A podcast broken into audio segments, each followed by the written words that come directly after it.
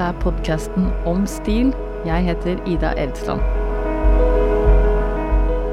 Denne podkasten er en del av Tidens ånd.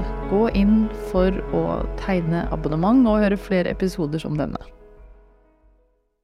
Velkommen til Om stil eh, med meg, Ida Eresland. I dag har vi besøk av Nils Beck. Og artisten Nils Beck er en av våre fremste kunstnere. Han er sanger, låtskriver og kreativ leder bak prosjektene han gjør, som nettopp Nils Beck. Nå sist med to utsolgte konserter i Operaen i samarbeid med Nasjonalballetten.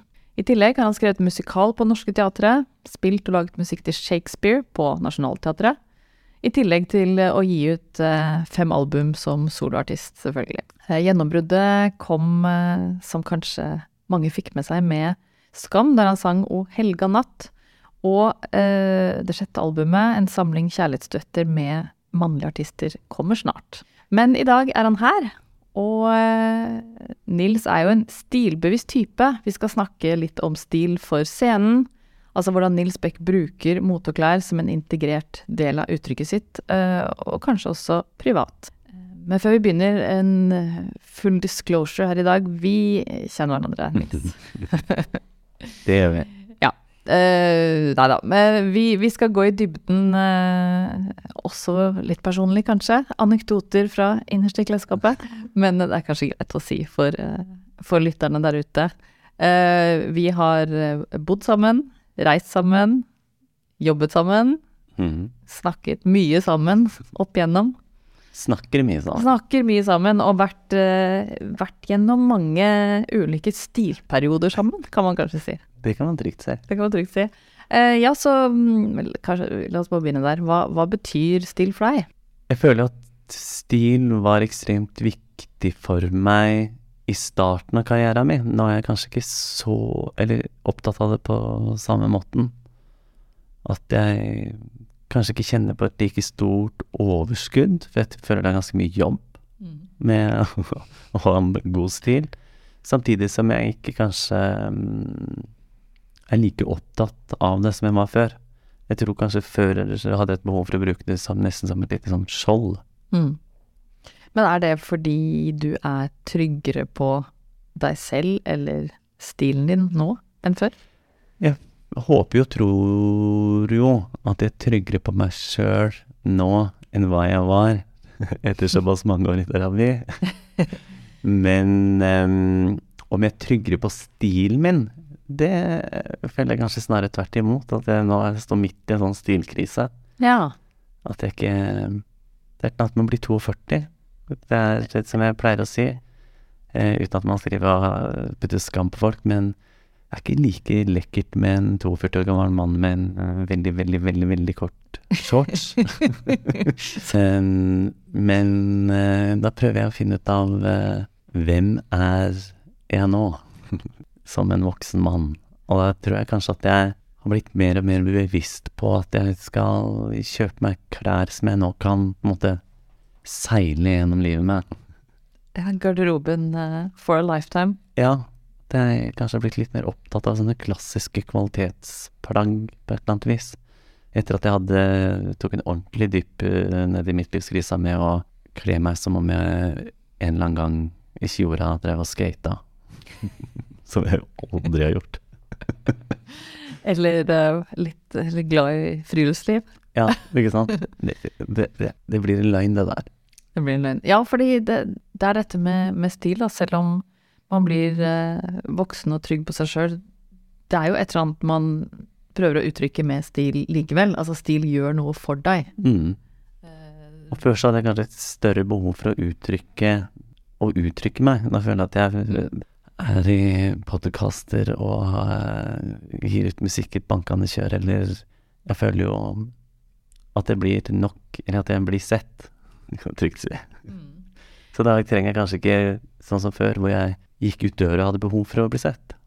Nei, nemlig. Og hvor jeg da bevisst valgte noe som gjorde at jeg kanskje skilte meg litt ut. Ja, for um, i notatene mine her så har jeg skrevet også Nils Beck, altså å, å kle seg naken på scenen, i, i anførselstegn, men altså du, du blottlegger deg jo veldig i kunsten din. Du, på hvilken måte spiller klær eh, eller stil inn i eh, det kunstneriske uttrykket når du, når du planlegger eller jobber ut det? Der er jeg litt sånn splitta om dagen. Det ene handler jo om det der med overskudd og interessen, men jeg tror jo egentlig at interessen er, er like mye som før. Men samtidig så har jeg starta å åpne opp litt at ting Jeg har vel ofte også blitt Ja, det er mange som sier det der jeg, at jeg kler meg naken på scenen, eller at jeg, jeg tør å være veldig sårbar eh, i scenerommet. Eh, og da mm, har det kanskje blitt viktigere for meg at ikke det der med stil skal på en måte lage den der distansen, da, eller få meg til å fremstå som eh, noen andre enn den sårbare artisten jeg er. Ja, altså, stil kan også virke fremmedgjørende, kanskje? Ja, det er det jeg tenker. Men så er det også noen ganger hvor man har behov for å kanskje ha en liten rustning, da. Da er jeg glad i en dobbeltspent dress. Ikke sant? En, en, eh, noe som eh, føles sikkert og Ja. ordentlig. Ja, for hva Og er litt sharp, liksom. ja, for hva, hva, kan, hva kan et sånt uh, ikke-fremmedgjørende, men likevel, eh, vil jeg tro, antrekk med nok uh, stemning i, da, Mm. være på, for deg på scenen?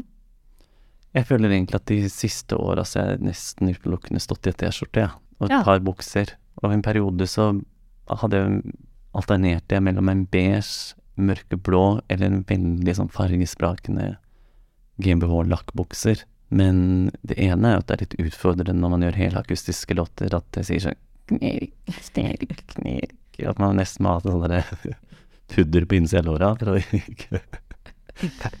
ta bort fokuset. Men også følte jeg at ah, nå er jeg litt lei det der. Og så har jeg vel ikke kommet opp med nytt sånn go to-greie. Annet enn kanskje dressen, da. Men samtidig, det er mer hvis jeg gjør sånn event og sånn. Hvor jeg føler meg litt sånn sårbar. Hvor det ikke er en sånn stille avtale som handler om at nå er vi her for fordi jeg ønsker å formidle noe. Mens på en, eh, en sånn event hvor folk er der ikke nødvendigvis for å lytte til meg, men fordi det er gratis drikke eller, eller foredrag, eller Så kan jeg kjenne meg mye mer sårbar, og da syns jeg det er godt å ta på altså, en dress. Ja, og det er vel eh, litt det den kanskje er der for. Men ja, det der klassikerne her, da. Det er eh, den hvite T-skjorta og dressen, Mm. på en måte. Er det byggesteinene i, i din garderobe per i dag? Ja, og tidlig i karrieren så hadde jeg jo veldig eh, korte shorts og singlet. Da hadde jeg kanskje litt sånn mer behov for å også være litt deilig på scenen. Ja, Jobba jo mye med Benny Gisken-periode òg, da, altså det var jo kampen. Påvirka hverandre litt. Ja. Det var en on. Ja, ja. Men eh, ja, kanskje du kan fortelle litt om det. Eh, vi eh, er jo mange som har fulgt deg hele karrieren fra Kanskje ikke helt fra Oliver Twist, men eh, fra litt eh, Oliver Twist som du spilte i som barn, men litt senere med Snuten, Mm. kanskje først, og så videre som soloartist. Kan ikke du fortelle litt om eh, ja, stilen da, da? Jeg vet du hadde mange stilige folk rundt deg som, eh, som kunstner, men også andre artister som eh, Martine Miriam, Foxen Wolf. Ja. ja. Jeg føler jo med snuten så hadde jeg veldig ofte på meg joggebukse, singlet og caps. At det var et eller annet sånn Ja, der følte jeg meg ganske sånn sexy i det. Samtidig så dansa jeg veldig mye på scenen i den perioden, så det var jo også viktig å ha noe som jeg kunne bevege meg ganske sånn fritt i. Eh, men etter hvert så føler jeg at jeg har jo heller Når jeg begynte med soloprosjektet mitt, så har jeg heller starta snarere enn å være veldig opptatt av hva jeg har på meg, så har jeg vært veldig opptatt av hva jeg, hva jeg har med meg på scenen. Det starta med en gardintrapp og et laken. Eh, Så jeg hadde en periode hvor jeg hadde palmer som jeg drev og kutta ned og sånn. Um, Pidestaller. Og etter hvert eh, rene kunstverk, da. Sånn som nå i operaen, så kom det et maleri ned fra taket, og en skulpturstol og en scenedør som er sånn prøvedør, kaller de det, som er bare ei, i ei dør med ramme rundt og på hjul. Og du har jo også vært et maleri selv, altså du har jo brukt kroppen eh, både påkledd og avkledd. Det er sant. De første musikkvideoene mine, da var jeg jo veldig opptatt av det visuelle. Jeg ga jo ut en musikkvideo før jeg egentlig ga ut en sang. Ja. Eller, det var jo en sang eller en musikkvideo, da. Men det var tilgjengelig på YouTube, men ikke på noen strømmetjenester eller sånne ting. Eh, og i den så tok jo Ida Ekblad spraymalt et maleri på overkroppen min, som jeg står og eier. Ja, ja. Veit ikke hvor vi fikk den ideen og hvorfor jeg hadde lyst til det, men jeg hadde veldig lyst til det. Hvilken, uh, hvilken låt var det? Det er jo sangen 'Curious Love', som uh, er Hvor jo tittelen spiller på 'By Curious', og hvor Iselin Steire og jeg i Tanken er at vi begge to dater samme fyr, og at vi står og venter på han på ulike tidspunkt i studioet hans. Rett inn i alle de romantiske klisjeene som da var studio til Ida Ekblad og Anders Nordby på Vika. Så mm, henta jeg jo inn en toppmodell, så det var jo ikke så helt uh, ubevisst på stil og, Og motet har det kanskje ikke ikke har jeg kanskje ikke akkurat vært, nei. Nei, fordi jeg tenker også på um, Du har jo hatt um, gode venner og samarbeidspartnere fra motebransjen, holdt jeg på å si. Mikael Mm. Olestad som et godt eksempel. Um, Kristoffer Lundmann også i flere perioder, når han først var head of menswear på Akne, og så etter hvert så ble jeg noen creative director på Tiger of Sweden. mm. Eh, og det er jo alltid deilig når man har venner som plutselig er i sånne posisjoner hvor man kan få noe gratis. Eh, så slipper man å tenke så, så nøye over eh, både budsjett og eh, egentlig hva man har lyst til å gå i. Mm. Ja, for det er jo også et miljø som, som er litt interessant der med eh, Som du har vært med i og, og springer ut fra på et vis. Hvis man flytter fokuset litt, og sier at at okay, det er et kunst, et eh, kunst-musikkmiljø, også kanskje et motemiljø, hvor jeg ser Thomas Persson, Benjamin Huseby, Mm. eh, men også da svenske Mathias Karlsson eller Kristoffer Lundmann. Altså mange som har hatt med hverandre å gjøre. Hva har det gjort med deg å ha hatt på en måte disse eh, moten så tett på? Har du brukt det aktivt? Ja, eller i hvert fall eh, brukt Benjamin aktivt, både i at han eh, jo stort sett har tatt alle pressebildene mine. Ida har vært involvert i veldig mange til One Year-albumet, så malte han meg jo ansiktet, ikke på kroppen, men i ansiktet den gangen. Eh, Benjamin også regisserte så å si de fleste musikkvideoene mine. Jeg har jo på en måte lent meg godt på eh, deres kompetanse, da, og deres talent. Også noe- fordi det føles naturlig for meg å, å gjøre sånne crossover-prosjekter. Mm. Er det noen f.eks. for eksempel videoer du vil trekke frem som, som folk kan se på? Som du liker veldig godt? På et eller annet vis er jeg veldig glad i I Punish You-musikkvideoen, som blei til ved en tilfeldighet på et nachspiel i White Light Studio. Ja. Hvor igjen Ida endte opp med å tegne på meg, eh, og hvor Benjamin filma alt med bare en sånn Ja, med iPhonen sin. Og den syns jeg er veldig fin.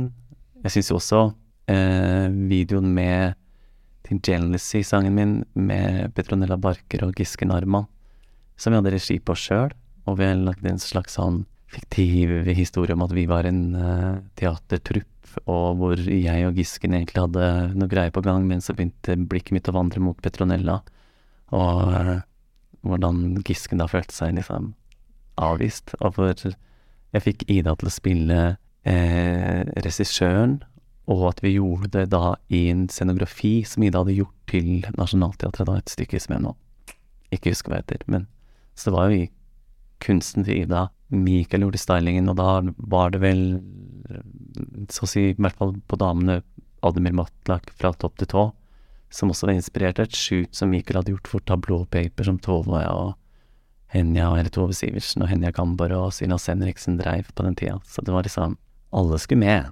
Alle skulle med. Så det er eh, Og låne litt herfra og derfra. Ikke sant? Musikk, eh, kunst, stil og vennskap i skjønn forening. Eh, Og det er jo ting jeg tenkte på i ettertid. Hva var det som gjorde at vi på en måte søkte oss til hverandre? Og så har vi beholdt vennskapene og samarbeidene nå gjennom over 20 år, da. At når jeg møtte Mikael, så skulle han til å begynne på det der foundation-året sitt i London. Ida gikk på Kunsthåndverksskolen, du gikk på Blindern. Mm. Jeg jobba i en kaffebar og visste ikke hva jeg ville gjøre med livet mitt. Uh, men jeg vil absolutt anbefale alle å, å ta en, en titt på din videografi, holdt jeg på å si. Det er en uh, Der er det mye gull. Takk. Ja, og det, det interessante er at nå er jeg på en måte i forlengelse av det at kanskje ikke stil er et så viktig uttrykk for meg for å nå ut til folk, så har jeg ikke lagd videoer på ganske mange år heller. Nei.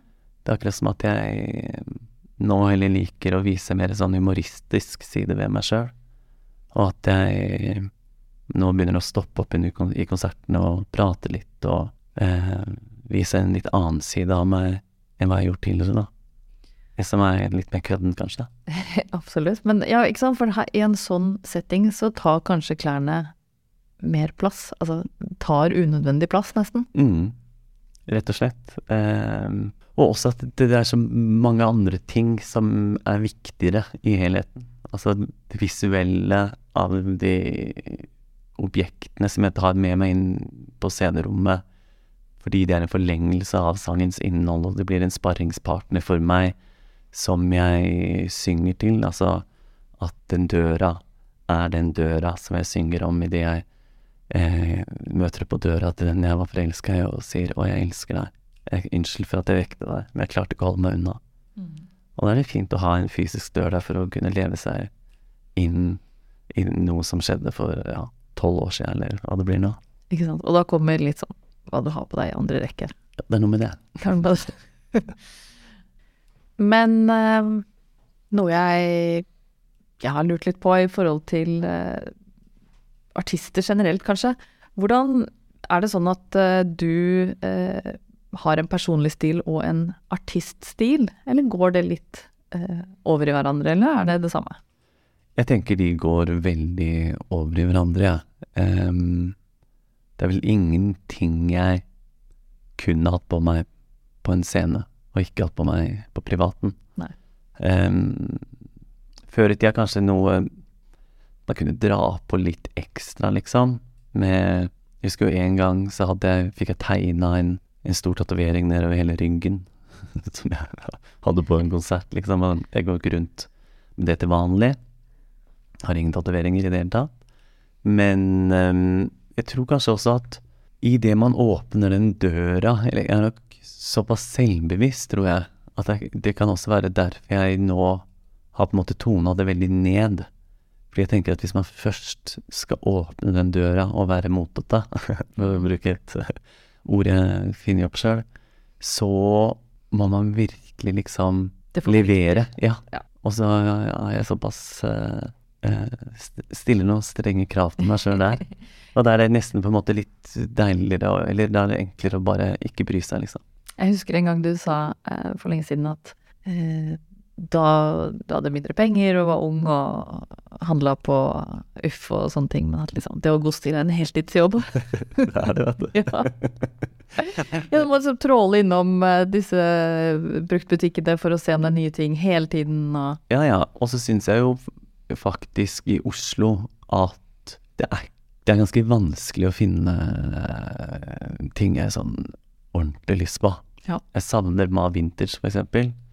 Det er jo ingen som fører Prada lenger. Nå har Løkk uh, lagt ned, som jo førte Dris, van Houten Altså, bare dro de to navna ut av hatten, da. Er jeg som ikke bryr meg om stil i det hele tatt. Uh, men men um, ja, så jeg syns det er vanskelig å, å finne ting. Samtidig som jeg også vel har lyst til at plaggene skal ikke føles veldig sånn sesongbasert, altså ikke trend, eh, som en trend, liksom. Og da mm, er det jo ofte sånn Man må litt opp i prisklassen òg, da. Men ikke minst så må man også finne det. Og så er jeg ikke av typen som eh, er god til å spare. Jeg er altfor glad i taxi og det gode liv, så jeg er ikke sånn som Det er noen som planlegger nesten sånn kjøp. Ja. Ikke sant? Nå trenger jeg sånn og sånn vintersko, da skal jeg sånn, Sett og den frakken. Passer til Ja, budsjettet, liksom. Ja. ikke sant? Det er ikke meg. Men jeg har begynt å måtte kjøpe mer sånne Gå på ja, mer sånne klassiske herrebutikker og kjøpe gode gensere. Siste jeg gjorde nå, var å kjøpe sånn pinstripe dress og tenker den kan jeg ha hele livet. Ja. Trenger en pinstripe dress. Ikke sant. Det er litt deilig perspektiv å ha, da. Ja, ikke sant? Ja, ja.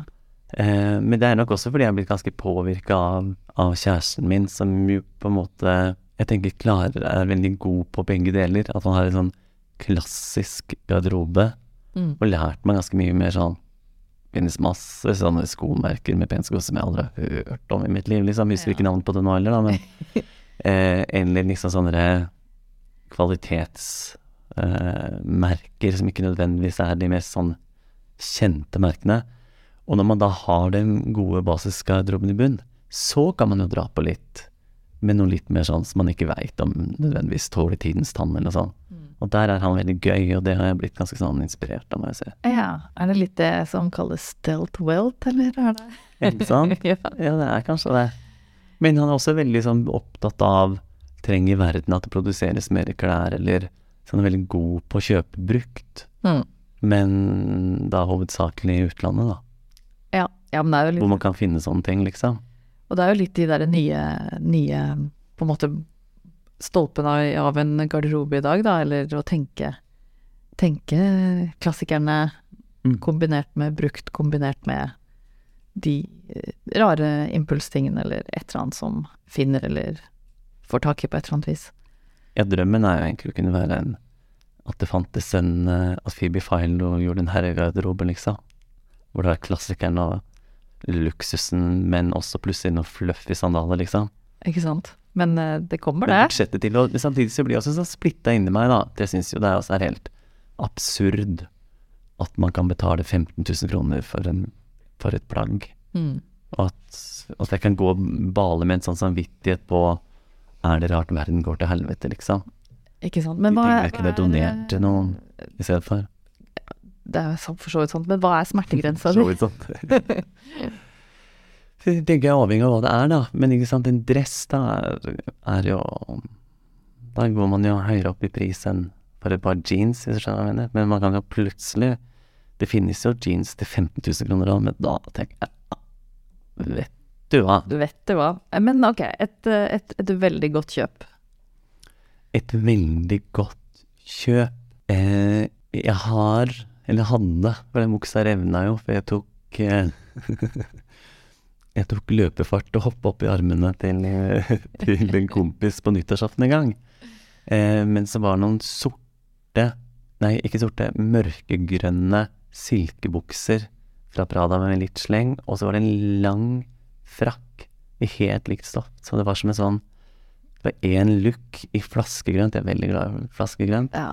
Eh, men som jeg kjøpte på en eller annen eh, et eller annet salg i Zürich, og hvor eh, jeg heldigvis har en helt lik bukse i Ligna. Så, men jeg har ikke Men nå Ja. Så jeg har looken, men ikke det var ikke, det var ikke, hele Nei. ikke mono, Og, og når det er liksom sånn når den spjærer nedover hele eh, rumpelinninga, så det ikke, Du kan ikke redde deg. Du kan ikke lappe på noe annet stoff. Rett og slett. Men det er kanskje et av mine beste kjøp. Og så er jeg også veldig fornøyd med et par Jeg har jo 41 i skostørrelse, så jeg kan um, ha flaks og finne damesko i min størrelse. Så jeg har også et par Marnie boots som jeg er veldig, veldig, veldig fine. Og de fant jeg på 80% Og det var en egen liten lykkes, altså. ja, det Det var ærlig, det. Var. Det man tjene pengene, nesten. jo, det faktisk. Uh, ja, men hva med, hva med, med motstykket, holdt jeg på å si, når man uh, taper penger på et skikkelig mobkjøp? Ja, altså det er jo den derre Jeg vil ikke alene om å la meg begeistre over et godt salg. Så er jeg også kanskje litt skrudd sammen, sånn litt flaut å innrømme, men at jeg syns jo det er stas med visse merker. Skal ikke late som noe annet. Så har jeg også kjøpt to par Prada-skjorter bare i ulik farge, men som var litt for små. Tenkte jeg kanskje jeg bare går ned en dag. Da- Sannsynligvis. men man blir jo ikke smalere over skuldra av seg sjøl. Eh, så mm, ja da, jeg har tapt litt da. Men da, nå tenker jeg at det må bli bedre på kanskje sånn som folk gjør. Å selge ting igjen og sånn. Hvis jeg har alltid hatt en sånn tendens til å gi det bort, og syns det er veldig gøy å kunne gi bort. Men nå som jeg på en måte skjønner bare sånn Vent, da hadde ikke jeg en trenchcoat, da? Hvor ble det av den den er gitt bort? Og vent, da, jeg hadde jo også en veldig fin sånn lys, lysgrønn sommerfrakk. Hvor ble det av den, da? Så kom jeg på at jeg hadde gitt bort. For jeg tenkte sånn Jeg har en tendens til å liksom bruke opp ting. At jeg går i det hvis det er noe at jeg, Å, det syns jeg var fint nå. Jeg i det til jeg liksom har gått lei, og så tenker jeg at jeg kommer aldri til å ville gå i det igjen, og så gir jeg det bort. Men så nå har jeg starta med en sånn ny trend at jeg gir bort og tar igjen. Så hvis du har lånt av Nils, Ja, kommer det eller, jeg, og det er så kjedelig å, det, ja, så, så så kjedelig å låne bort. Ikke sant? Det bare det føler seg jo mye rausere og Ja. bedre menneske når man sier sånn Å, den kan du få. Så nå er jeg sånn Nei, nå tar jeg den tilbake. Oi. Håper du hadde glede av så lenge du varte. Men nå er jeg jo tydeligvis full av motsetninger, da, for det eneste jeg sitter og har gjort nå det siste kvarteret, er jo å name-droppe merker på klær jeg har i skapet som ikke passer. Men eh, eh, med det der med å prøve å tenke langsiktig på garderobe og bygge opp en sånn basisgarderobe, så har jeg også blitt mye bedre på å gå til skredder og få lagt inn ting. Mm. Eller lagt opp, og liksom så at det sitter eh, pent. Ja, for det tror jeg er litt av forskjellen på hvordan vi tenker garderobe, klær, stil nå og før. Altså, tenker ganske langt tilbake. Se på bilder av folk før. Alle så så smashing ut Mm. fordi de hadde skreddersydde klær, eller tilpasset de selv, rett og slett. Mm. Og dette med liksom passform, at ting sitter perfekt, Ja. det, det er en sånn Men, men du, er, du er allerede litt på den, jeg vet du. Ja, jeg driver Du gjør saker og ting. Jeg renner i døren, jeg, på Rose, systue i Ja. Som jeg anbefaler, altså. Veldig flinke. Uh, hva slags ting er det du gjør der, da? Det er jo ofte sånn For tre og et halvt år siden så hadde jeg jo en voldsom kjærlighetssorg. Um, og da raste jeg ned i vekt. Og da la jeg jo inn mange dressbukser og jakker og det ene og det andre. Brukte du ikke bare belte en periode, da? Nei, men altså noe med at når du har såpass lite rumpe som jeg har, så hjelper det ikke. Du trenger ikke eh, at det er masse stoff som eh, ender opp med bule innover, liksom, i bakre avdeling. Men det har jo også gjort at nå som jeg er lykkelig og har det bra, så har det kommet Få mye god mat? ja, så, så jeg har dratt på meg noen kilo igjen, og da er jeg tilbake. Man legger ut, så det er alltid viktig å ikke sant, I perioder så vil man ha korte bukser, noen ganger så vil man ha litt lengre. Det er viktig å be de ta vare på at det er igjen muligheten til å legge ut, Ja, eller ned. ikke sant? Eh, men, men dette gjør du på alt fra dressbukser, også jeans, eller vanlig, mer Ja, jeg har vanlige også klær? hatt noen jeans, ja, som jeg har gjort det med. Eh, og ikke minst dressjakker. Ja. Så, så det sitter fint over, over skuldrene og sånn. Og da føler jeg meg Når det sitter pent, så føler jeg meg vel. Og da har du vel også med deg hele den prosessen av å velge Ok, nå skal jeg gjøre dette, nå kjøper jeg denne, men jeg skal faktisk gå til Rose, og så gjør de dette. Mm. Den er med deg når du bærer plagget, ikke sant? Det blir en Ja. Det gir noe, det òg. Det gjør det. Man gjør en liten innsats. Mm. Så føler jeg meg voksen til en forandring. Men eh, ok, til, eh, til lytterne der ute. Bygge en, eh, en, en moderne herregarderobe av i dag. Hva, Mm. hva, har du noen tips? Hvor begynner man? Gode sko, ikke sant? Eh, By, Begynne nedenfra og opp, kanskje? Ja. Ja. Så man må ha pensko i ulike farger, ikke sant? Det er ikke alltid like fint med mørkebrune pensko til en mørk dress, tenker jeg. Mhm. Ehm, ha ulike frakker, der sliter jeg litt, fordi noen av de har Den ene er for trang, og den andre begynner å bli litt slitt, føler jeg. Og, så jeg trenger meg en ny, fin frakk. Fine skjorter. Og også passe på at det Det tenker jeg også med alderen, så det ble en veldig aldersfokus her nå på meg, men at ting ikke må være for trangt heller. Og der kan jeg se på bilder tilbake i tid at det liksom når man har kjøpt seg rådenimbukse, så vaska den på 60 grader, da, som det er det siste du skal gjøre, så gikk den i en halv størrelse, og akkurat da så ble det litt som tights. At jeg kan se fra da jeg var sånn i starten av 30-åra. Ting var litt trangt. Så, så sjekk vaskelappen er vel et annet tips. Ja, jeg er blitt veldig god på å Veldig glad i hvitvask, altså. Og veldig glad i Vanish. Og blitt bedre. Og ikke minst eh, eh, håndvaske ull. Og da gjør jeg som jeg lærte på heimkunnskapen på Vikersund. Tar litt Milo i eh, lunka vann, vasker forsiktig, og så skyller to ganger i kaldt vann, legger et håndkle på gulvet, genseren oppå eller ullplagget flatt, så ruller du det som en rullekake. Og da får du ut alt vannet. Og så må du tørke flatt.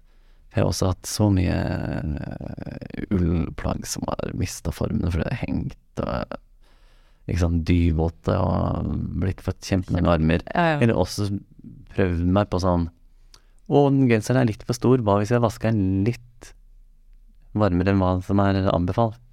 Noen ganger hatt flaks, da, ikke sant. Krympa helt perfekt. Mens også et par ganger hvor det har blitt litt lite. Og sånn eh, helt basic, altså sokker, un er, undertøy, er du opptatt av sånt? Ja, eller jeg er blitt det nå. Jeg eh, snappa opp noen gode truser fra eh, kjæresten min, som, eh, som er sånn klassiske herretruser med gylf. Mm. Eh, men ikke så jeg er ikke, altså jeg er ikke så god på å være gjennomført, altså. Så det er mye Jeg øver meg på å henge opp dressen, for eksempel. Det er ikke sånn, sånne ting. Altså, ikke altså det, her, det er jo et prosjekt som den der basisgarderoben nå liksom uh, ikke har, ja, ikke har hull i ting, eller altså bare Det er ikke Jeg er litt sru, egentlig, liksom. Det er jo sånn hver, hver vinter så kjøper jeg ett stort skjerf, fordi det, nå er det jo fant meg umulig å få et uh, herreskjerf som ikke er et pledd. Og så klipper jeg det opp i fire, for jeg vet at i løpet av sesongen så har jeg i hvert fall mista tre av fire skjerf. og det blir dyrt i lengden nå, ikke sant? Det er eh, smart gjenbruk. Ja. Eh, Så tenker jeg det kan heller se litt ut som at med de frysede kantene, så kan jeg heller tenke litt sånn åh, det, er, det her er litt sånn kom der. Ikke sant? Ja, ja. Litt garçonskjerf Eh. fra HM. med prinser. Det er greit å ha sånne referanser på lur for seg sjøl. Så, så, så kommer man unna med det meste. Men uh, i forhold til uh, Ja, altså, når du ikke er på, da, når du ikke er uh, møter andres blikk på noen som helst måte, Mm. hva, hva foretrekker du å gå i da? Hva er liksom deg eh, og ditt eget eh, Din komfortsone, for å si det sånn? Altså, det er jo ofte jeans, da. Jeg er ikke sånn som Jeg tror vel at jeg har ei joggebukse et eller annet sted, men den har jeg lurt på hvor blei av det siste halvåret. Ok, så det er ikke sånn at du liksom Jeg har ikke noe koseklær. Nei. Det, det er ikke min eh, Jeg veit ikke hvorfor, jeg. Men nei. Når folk var sånn mm, 'Gleder meg til å komme hjem og da med joggedressen', så er det sånn Så er det ikke poenget med. Nei. Hva, hva er det nærmeste du kommer, liksom? Jeg har jo sånn eh, Tekla pysjbukse. Men den har jeg i mitt eh, Altså, jeg ville jo aldri sovet med pysjbukse så jeg tenker den kan heller være sånn fin liten sånn sommerbukse. Hadde den på meg i sommer da jeg gjorde yoga, da ute i en hage på, på hyttetur, og da skjønte jeg at folk syntes det var litt sånn morsomt. Og jeg tenkte hæ, er det så obvious at dette er pysjbukse? Jeg syns det bare ser ut som en sånn? Ja, sånn en sånn tynn Litt av sånn sommerbukse? Ja, bomullsbukse, liksom. Men så endte jeg selvsagt opp med å kjøpe den Hvordan blei det der? Jeg kjøpte overdelen til jeg skulle være på Lindmo, og så endte jeg opp med å være så stressa, så jeg føler at jeg kjøpte overdel i én størrelse for stor, og så tenkte jeg da skal jeg i hvert fall ikke kjøpe den buksa for stor, da. Men så da har jeg liksom overdelen i Lars og buksa i medium. Så når, hvis jeg har det på sammen, så er det helt sånn uproporsjonalt. Så det er ikke så fint. Men apropos det, da. Ok, du skal på, på Lindmo, eksempel. Eh, hvordan tenker Går det veldig mye på en måte energi i å finne hva du skal ha på deg, eller har du, som, som, som mange offentlige personer, har stylist til å hjelpe deg, eksempel? Det har jo vært en utfordring etter Mikael uh, flytta til, eh, til Stockholm. Designer Mikael Olestad. Ja, da han bodde i Oslo, så eh, hadde jeg jo gratis stylist i han. Ja. Og det var eh, ekstremt deilig. Nå skader det jo ikke at han eh, jobber for 80, så at de villig eh, låner bort klær, eller noen ganger gir meg klær, eller sånne ting. Men det er vanskelig å ikke eh, ha muligheten til å prøve ting på. For det er så forskjellig den modellen Å ja, da var jeg en 30 i den modellen. Oi, da må jeg opp i 32 i bokstørrelse, eller Og da jeg tatt, må ta turen bort til Rose, da. Ja, Syns du, da? Ja, men for, jeg, jeg spør også litt, fordi det krever jo, krever jo enormt mye, egentlig. Å eh, være i offentligheten og møte på en måte med et antrekk for hver anledning. Ja. Eh, det, det krever masse tid og omtanke. Ting skal se nye og, og friske ut, men Sant. også at det skal passe, som du sier. Det er, en, en, det er jo også en, for å si sånn, en heltidsjobb. Ja, altså det er jo en grunn til at det er noen som lever av å style. Men jeg tenker jo det handler like mye om hvor man legger lista for seg sjøl, da. Ja. Altså, hvorfor ikke ha på seg samme tingen ved flere anledninger, liksom? Hvem er det man prøver å lure? Eh, Ja, for eh, dette med gjenbruk og redesign, altså som dine skjerf, da. Kombinøse skjerf. eh, er jo Eller secondhand som, eh, som du også har vært veldig god på alltid. Eller tidligere, men altså Det var lettere når jeg Før så jobba jeg mye mer internasjonalt når jeg Ja, hva skal man si, var performancekunstner. Og da er det jo ene jeg alltid pleide å gjøre, var å gå inn på noe som heter The Label Finder eller noe sånt. Skrev alltid sånn Dris, Panåten, salge'. Ja. Og der kan man finne gull, vet du, i de små tyske byer, eller ikke minst i Belgia, hvor de har så mange fine um, vintersbutikker, og hvor man kan finne liksom ja, skatter som du har råd til å kjøpe, da. Ganske spektakulære ting, egentlig. Ja, virkelig. Eh, men eh, nå eh, har jeg trukket meg ut av den verden og fokuserer på å synge på norsk, og da reiser jeg jo ikke like mye som før. Så da syns jeg kanskje det kan være vanskeligere å finne de her brukgullet. Og så syns jeg også jeg har aldri, aldri fått til det der med å handle ting på nett, jeg. Jeg syns det, det blir mye mas og vanskelig å ender opp med toll og port og Og så eller ikke blir det så mye eller hva det- dyrere ja, dyrere, og så plutselig kommer du, får du det i- på døra, så passer det ikke, så må du bruke penger på å legge det inn, eller går an å legge det inn, eller må sy om hele greia, liksom. Det, ja. Sende det det tilbake. går ikke, ja. Og sender du tilbake, ikke sant, så taper du mer av merverdiavgiften og tollgreia, det får du ikke igjen. Så nei, det er ikke for meg, altså. Nei, ikke sant. Og, øh, men øh, tenk på et, et miljøperspektiv. øh, Er det med deg i, i de vurderingene du tar i forhold til stil? Altså? Tenker du på det? Ja, det begynner i hvert fall å bli mer bevisst på det, og at det, det spiller jo inn det òg, med tanke på at jeg har lyst til å eh, bygge opp en garderobe som jeg kan ha til jeg ligger i grava, for å si det sånn, og at eh, heller investere i noen gode plagg. Men ja, man veit vel at eh, noen ting så får man jo det man betaler for. Mens andre ganger så kan man bli grådig overraska òg. Over hvor dyrt det var, og og at det plutselig ja, hadde overraskende dårlig kvalitet. Så det er liksom vanskelig å bli klok på, men det er vel kanskje der, ikke sant, man skal finne noen av de der klassiske, gamle merkene som har vært i generasjoner, og de bruker samme ullprodusenten fra generasjon til generasjon nå, ikke sant? Her har du en helt ny verden foran deg. Altså, virkelig. Lykke til. Tusen takk for at du øh, ville komme og snakke med oss, Nils Beck. Takk for at jeg fikk komme. Eh, Dette er podkasten om stil eh, fra Tidens Ånd. Følg oss gjerne på nett, eh, i nyhetsbrev og der du hører podkast. Takk for nå.